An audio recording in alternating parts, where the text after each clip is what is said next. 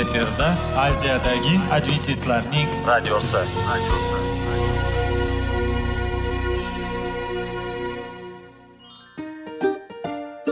assalomu alaykum aziz radio tinglovchilar. Sog'liq daqiqasi rubrikasiga xush kelibsiz. Zero tananing sog'lom bo'lishi va uning kasalliklardan saqlash har bir insonning burchi hisoblanadi. Inson uchun bebaho boylik bu sog'liq salomatlikdir. Uni asrash esa har birimizga omonat qilib berilgan. Shuning uchun ham inson o'z sog'lig'ini ehtiyot qilishi va ajib amallardan hisoblanadi. Dono xalqimiz sog'liq tuman boylik deb bejiz aytmagan. Aql idroq sohibi bo'lgan inson o'z hayotini qadrlashi lozim bo'ladi. Hozirgi kunda qanchalik dori darmonlar ko'paymasin tibbiy muassa sifati shifokorlar vasiyasi tibbiy texnika yaxshilanmasin. Agar insonning o'z salomatligi haqida qayg'urmasa kutilgan natijaga erishib bo'lmaydi va biz sizlarga bizning dasturimizga xush kelibsiz deymiz.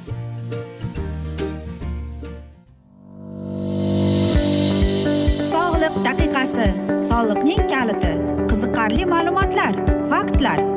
Har kuni siz uchun foydali maslahatlar. Sog'liq daqiqasi rubrikasi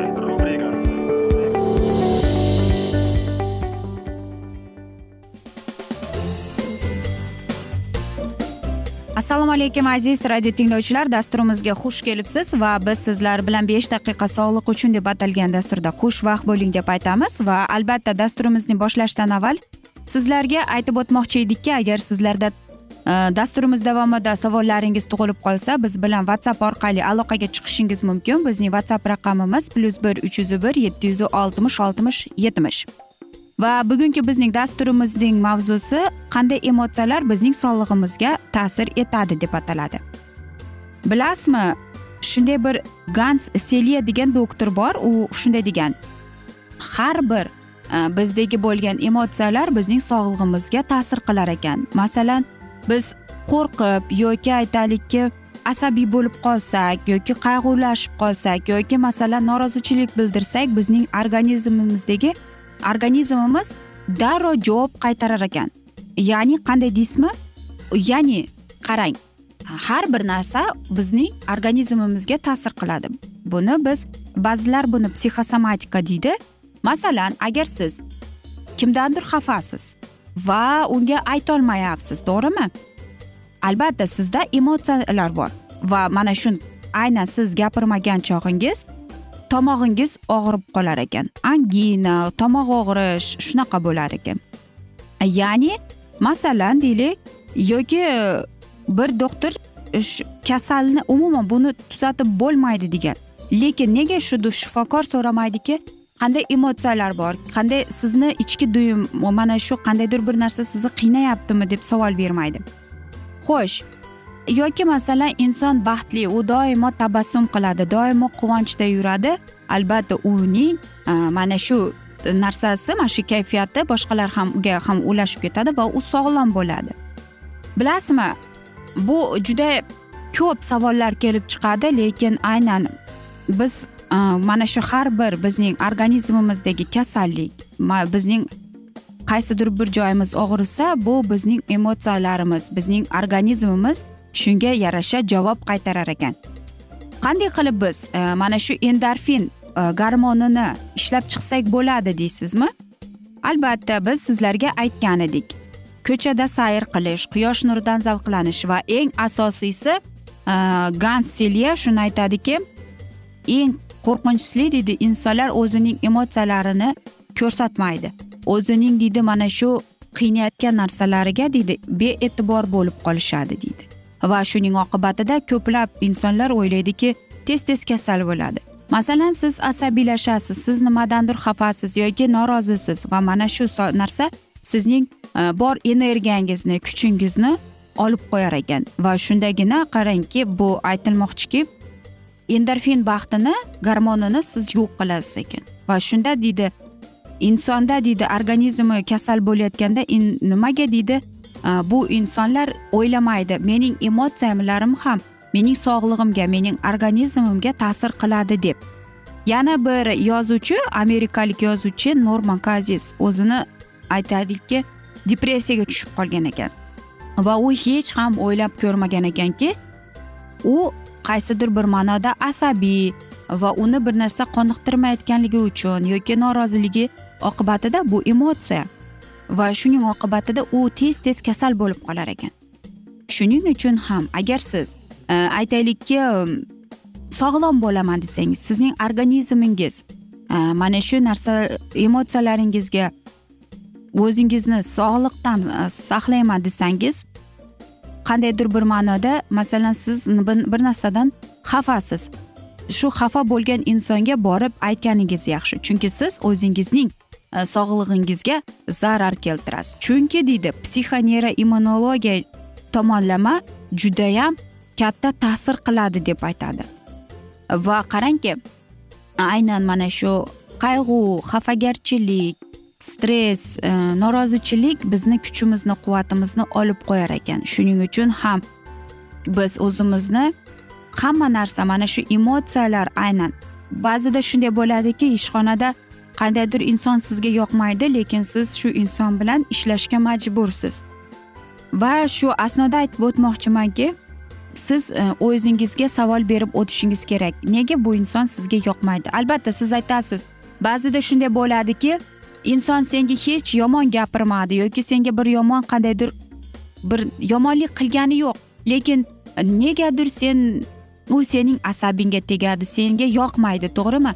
Siz o'ylaysizki mana shularni o'ylab e, siz shu insondan o'zingizni olib qochsangiz e, men o'zimni qandaydir bir saqlayman deb. Lekin afsuski e, mana shu doktor aytgandek silya doktor aytgandek bor emotsiyalarimiz bizdagi bor stress holatlarimiz norozichiligimiz biz o'zimizning sog'lig'imizga zarar keltiramiz ekan. Va qarangki afsuski bu ham shunday. Shuning uchun ham siz o'zingizga savol bering. Nega shunday? Nega bu inson balki unchalik yomon emasdir deb.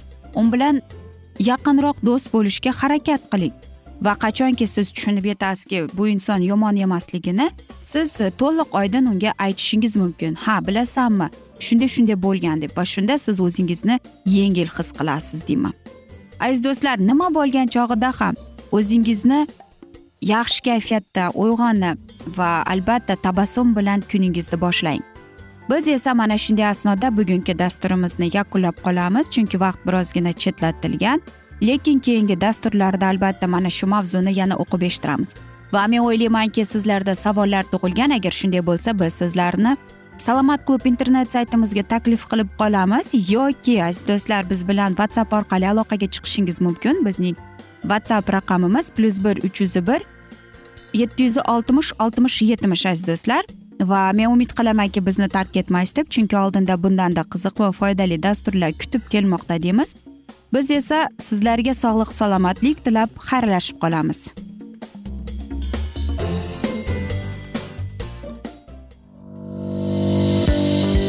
Sog'liq daqiqasi soliqning kaliti qiziqarli ma'lumotlar faktlar. Har kuni siz uchun foydali maslahatlar.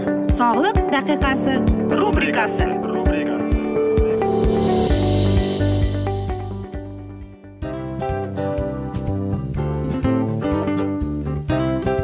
Mana ha hayotda hamma narsaning yaxshi narsalar tugaydi va yakunlaydi degandek bizning dasturimizga ham yakun keldi. O'ylaymanki bizning dasturimiz sizga foydali bo'ldi deb aziz radio tinglovchimiz. Va siz o'zingiz uchun kerakli xulosalar kerakli maslahatlar olib oldingiz. Aziz radio tinglovchimiz biz bilan qoling va keyingi dasturlarimiz albatta undanda qiziqroq bo'ladi. Mana shu alfozda sizlar bilan xayrlashib qolaman.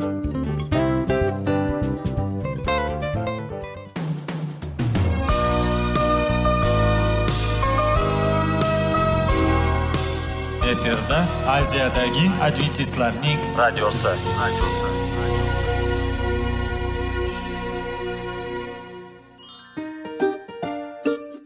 Assalomu alaykum aziz radio tinglovchilarimiz.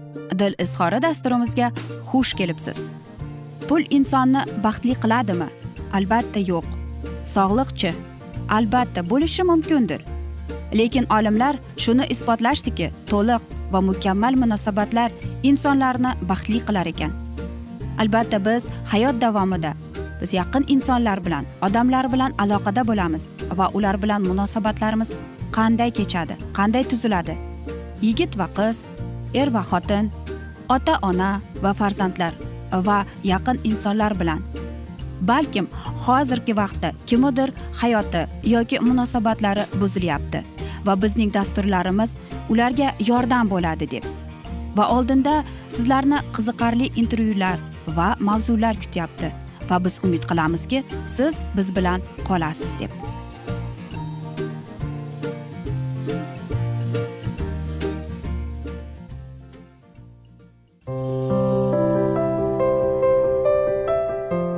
Kuni har xil kasbdagi odamlar bilan sirlashish va bo'lishish sevgi rashq munosabat bularni hammasi dil izhori rubrikasida.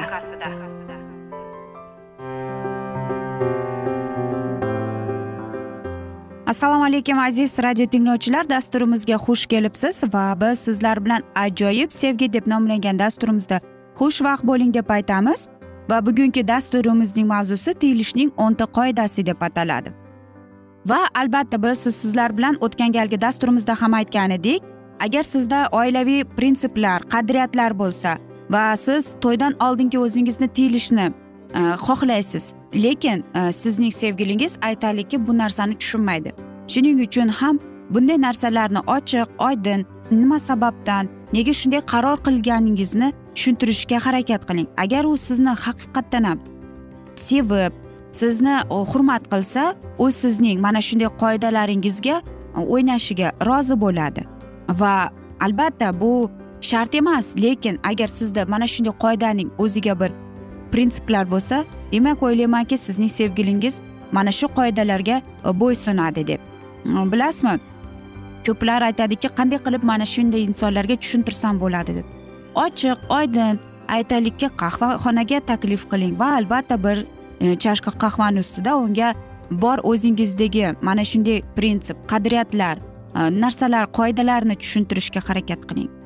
Faqat shoshilmasdan asta mayin ovoz bilan tushuntirganingiz yaxshi va albatta oxirida aytishingiz kerakki nima bo'lgan chog'ida ham men seni sevaman hurmat qilaman va meni to'g'ri tushunasan deb umid qilaman desangiz albatta bu eng yaxshi va to'g'ri qaror deb o'ylayman yana bir qoida bu albatta aytaylikki uchrashuvlarning qandaydir bir belgilarini yoki aytaylikki bir vaqtda kechqurun emas kechasi ham emas yoki bema'ni joylarga bormasdan masalan insonlar ko'p bor joyda uchrashishga harakat qiling yoki aytaylikki kechalari emas faqat kechasi emas. Chunki bu eng mana shunday munosabatning turtkisi aynan kechqurunlari uchrashib yurganlar bo'ladi deydi.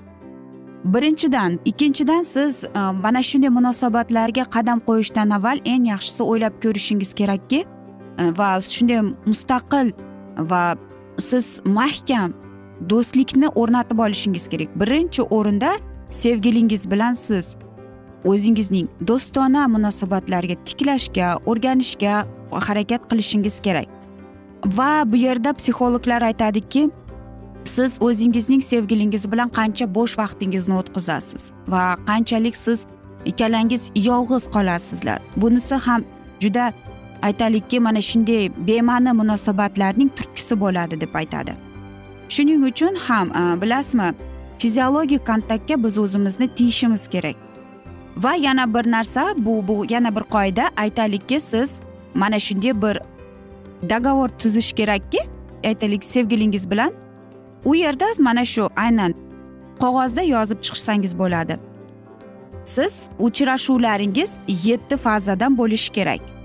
Va aytaylikki qaysi fazada bo'lsangiz u yerga qog'oz ruchka bilan chizib qo'yasiz. Masalan aytaylikki siz qaysi fazada yuribsiz? Sizlarning munosabatlaringiz. Yoki aytaylikki va mana shundan kelib chiqib siz bir vaqtni ajratib qo'yishingiz kerak. Masalan siz ishlaysiz.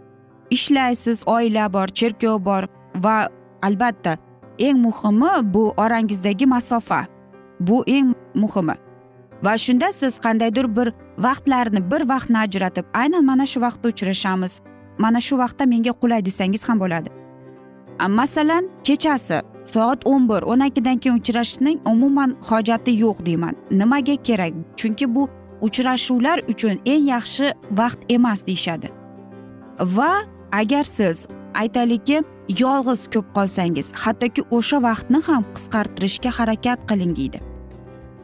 Va qarang siz uchrashuvga chiqqaningizda nima bilan shug'ullanasiz? Kinoga borasizmi? Park muzey? Bularni hammasini o'zingizning sevgilingiz bilan gaplashib olishingiz kerak. Va eng asosiy qayerda qaysi joylarda va aytaylikki siz bilasiz yolg'iz bo'lib qolsangiz. Aynan mana shu joylarda kamroq uchrashishga harakat qiling.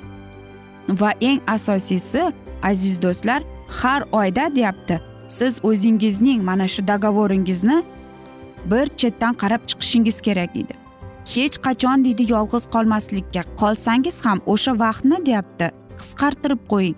Chunki aynan mana shu e, vaqtda yo ikki yosh yolg'iz qolganida va ularning ikkalasi yolg'iz qolganining vaqti cho'zilib ketsa ularda deydi mana shu narsa turtki bo'ladi. Va kechasi deydi o'n bir o'n ikkidan keyin uchrashuvlar uchun eng yaxshi vaqt emas deydi. Masalan aytaylikki siz birga darslar qilasiz va albatta tabiiyki siz yolg'iz qolasizlar. Shuning uchun ham o'ylaymanki mana shu vaqtning o'zini chetlatish kerak. Va eng asosiysi psixologlar aytadiki o'zingizning sevgilingiz bilan e, mana shu vaqt uchrashuv qayerda nimada kimlar bilan odam ko'p bo'ladimi parkka bo'lsa yaxshi masalan muzey bo'lsa ham yaxshi kinoteatr va hokazo joylarda. Faqatgina yolg'iz qolishning vaqtini kamaytirishsa ikki yosh bu bilan deydi. Ular bir birini hurmat qilganini ko'rsatadi. Bir biriga bo'lgan bahosi ortadi deydi. Va e, ikki inson shuni tushunib yetadiki ular o'zining xohishini tiyib va to'ygacha saqlab kelgan va ko'plar muammolarning muammolardan deydi E, himoya qilgan bo'ladi deydi. Biz esa aziz do'stlar mana shunday asnoda bugungi dasturimizni yakunlab qolamiz. Afsuski vaqt birozgina chetlatilgan lekin keyingi dasturlarda albatta mana shu mavzuni yana o'qib eshittiramiz. Men umid qilamanki bizni tark etmaysiz deb chunki oldinda bundanda qiziq va foydali dasturlar kutib kelmoqda deymiz. Biz esa sizlar bilan xayrlashar ekanmiz. Sizga va oilangizga tinchlik totuvlik sog'lik salomatlik tilab va albatta seving seviling deb xayrlashib qolamiz.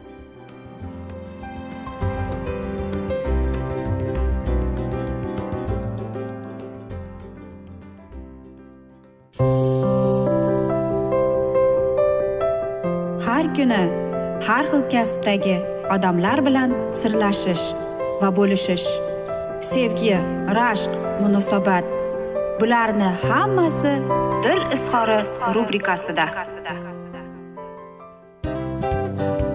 Mana aziz radio tinglovchimiz bizning go'zal va foydali va chiroyli dasturimiz yakunlanib bormoqda. Sizlarga birozgina maslahat berib o'tmoqchi edik.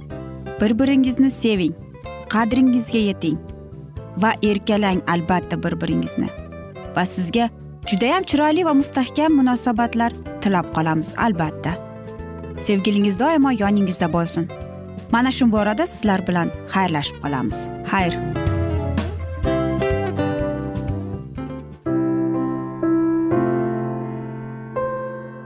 Hayotning noni.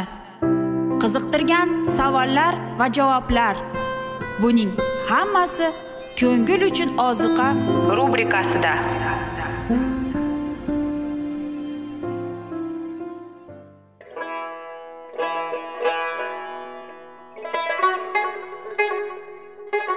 Assalomu alaykum aziz radio tinglovchilarimiz.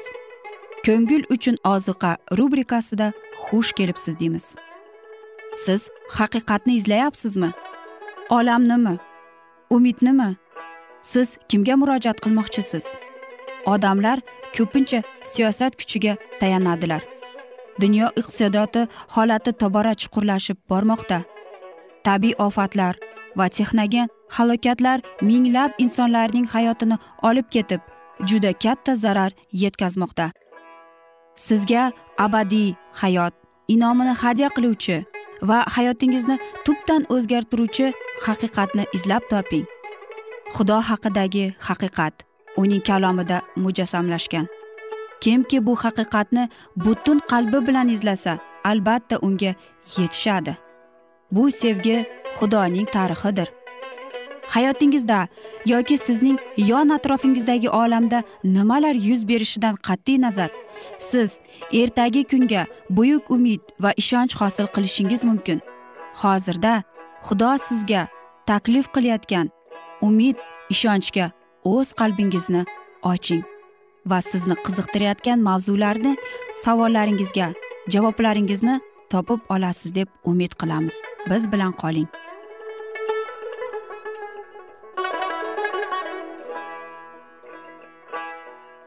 Assalomu alaykum aziz radio tinglovchilar. Dasturimizga xush kelibsiz va biz sizlar bilan ulug' otalar va payg'ambarlar deb nomlangan dasturimizda xushvaqt bo'ling deb aytamiz. Va bugungi bizning dasturimizning mavzusi bu shoulning o'zligi deb ataladi va biz sizlar bilan o'tgan galgi dasturimizning mavzusini yana davom ettiramiz. Shoulning toqatsizligi borgan sari kuchayar edi. Shamoil esa tutilib qolar edi. Lashkarda o'rin topgan sari sarosomasi mayuslik va qochqinligi shoul payg'ambarning yo'qligiga to'nkadi. Belgilangan muddat keldi ammo ilohiy inson yetib kelmadi. Ilohiy azaldan bilish o'z xizmatkorini tutib turardi. Ammo tinchsiz tinmas shovul boshqa kutolmasdi. Xalqni tinchitish uchun bir narsa qilish kerak deb o'ylagan podshoh odamlarni diniy xizmatga yig'ilib qurbon keltirib xudoga yordam so'rashga qaror qildi. Faqat alohida diniy xizmatga da'vat etilganlar uning oldida qurbon keltirishga huquqlari bor edi. Ammo shoul kuydirish uchun tayinlangan qurbonni mening oldimga keltiringlar deb Э, buyruq berdi va harbiy kiyimda shamshir qo'lida u qurbongohga yaqinlashdi va xudoga qurbon keltirdi. Qurbongoh ustida e, so'yilgan qurbonni kuydirib bitim deganda deganida shamoil keldi. Uning bilan salomlashish uchun shoul unga peshvoz chiqdi. Shamoil ko'rsatmasiga zid qilingan harakatni payg'ambar shu ondayoq tushundi.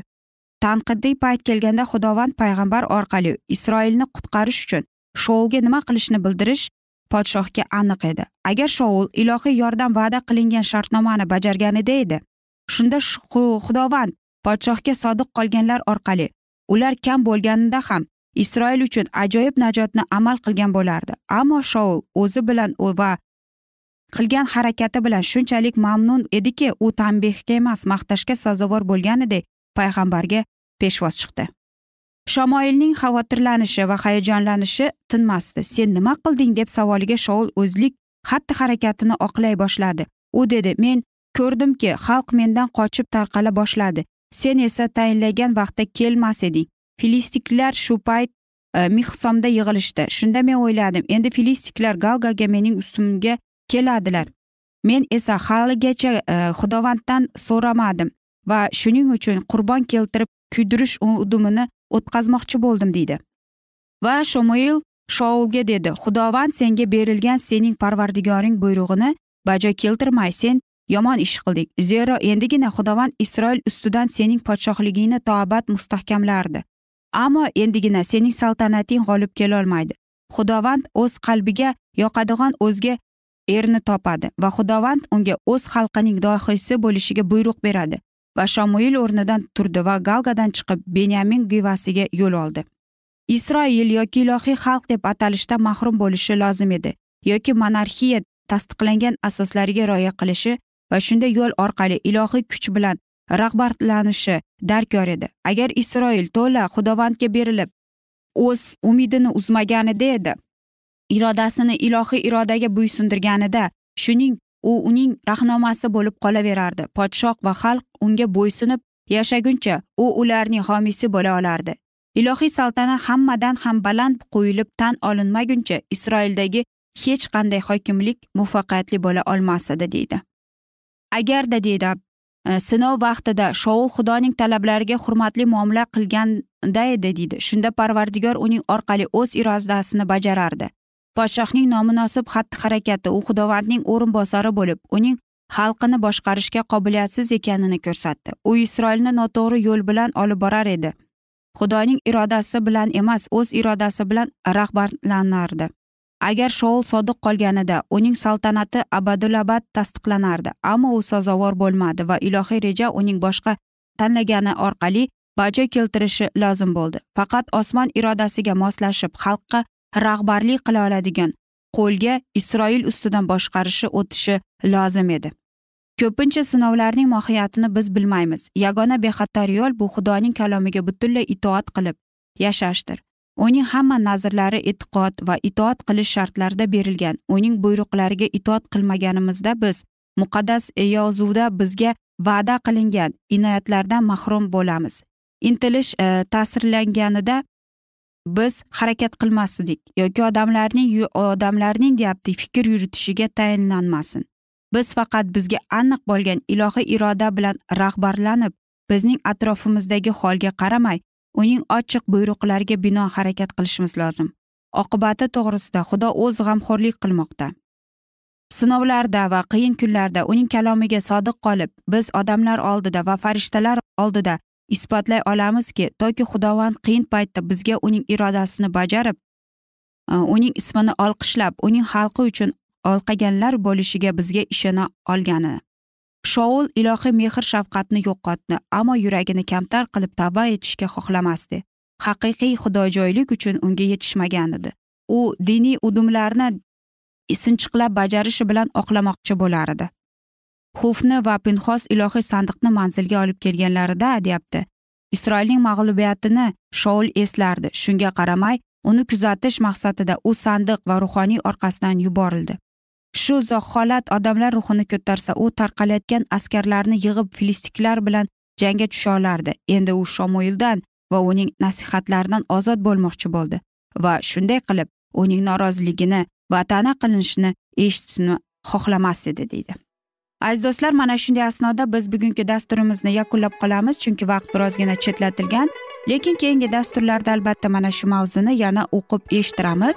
O'ylaymanki sizlarda savollar tug'ilgan. Agar shunday bo'lsa bizlar bilan whatsapp orqali aloqaga chiqishingiz mumkin. Bizning whatsapp raqamimiz plyus bir uch yuz bir yetti yuz oltmish oltmish yetmish aziz do'stlar. Yana bir bor qaytarib o'taman. Plyus bir uch yuz bir yetti yuz oltmish oltmish yetmish. Umid qilaman bizni tark etmaysiz chunki oldinda bundanda qiziq va foydali dasturlar kutib kelmoqda sizlarni deymiz. Va biz sizlarga va oilangizga tinchlik totuvlik tilab xayrlashib qolamiz.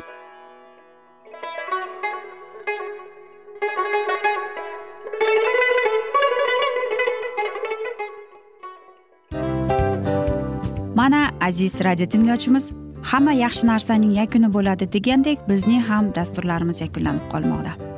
Aziz do'stlar o'ylaymanki bizning dasturlarimiz sizlar uchun judayam foydali bo'ldi deb bizning dasturlarimizdan siz o'zingizga foydali va judayam kerakli maslahatlar oldingiz deb. Masalan sog'liq borasida. Biz sizlarga sog'liq tilaymiz albatta lekin bizning maslahatlarimizga ham amal qilishga unutmang. Munosabatlarga kelganda bu munosabatlar chuqur va yaxshi bo'lishi uchun uni ustidan ishlash kerak albatta. Diniy masalaga kelsak aziz do'stlar bu judayam jiddiy va chuqur nazarni talab qiladi. Ammo biz sizlar bilan xayrlashib qolmaymiz keyingi dasturlarda eshittirishimizni davom ettiramiz va sizlar bilan mana shu yaxshi kayfiyatda xayrlashib qolamiz. Va keyingi dasturlarda ko'rishguncha xayr!